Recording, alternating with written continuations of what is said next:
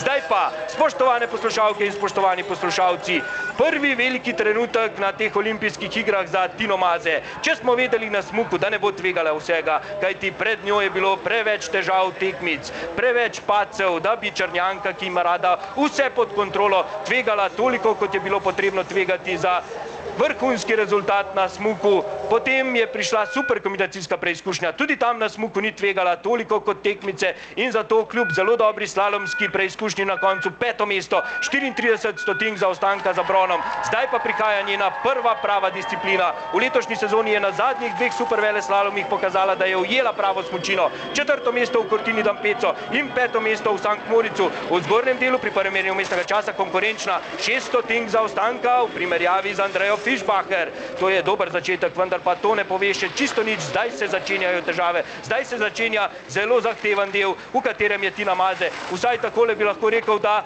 je danes lačna uspeha in da grize, grize na progi. Ni imela težav pri skoku, dobro je nadaljevala in kakšen je njen eh, zaostanek pri drugem merjenju mestnega časa. 31 stotink zaostanka, to je zelo konkurenčna vožnja. Dajmo Tina, zdaj je na mestu, kjer je imela napako Giulia Mancuso, brez težav, upajmo, da je hitrost dobra. Zdaj ne bi smela veliko izgubiti v spodnjem delu. Ali spremljamo izvrstno predstavo Tine Maze v tem delu brez napak. Upajmo, da je hitrost prava. Kakšna je hitrost? 84 km na uro, torej dobra hitrost pri tem menjenju mestnega časa za ostanek 66 stotink sekunde.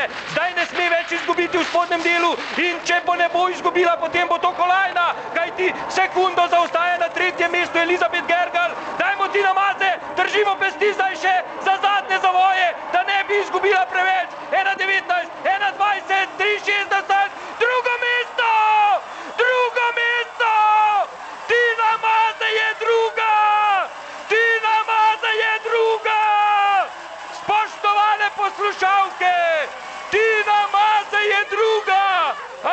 Fišbacher v vodstvu, Tina Maze pa v tem trenutku na drugem mestu.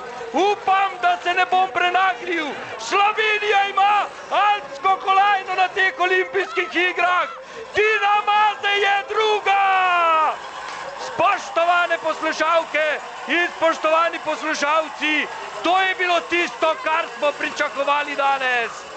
26-letna Črnjanka je opravila svoje. Drugo mesto v tem trenutku, hitrejša od Linci von, počasnejša samo od Avstrike, Andreje Fischbacher. In v tem trenutku, spoštovane in spoštovani, ostajam brez besed, zato se bom za nekaj trenutkov poslovil. Tina Maze je druga!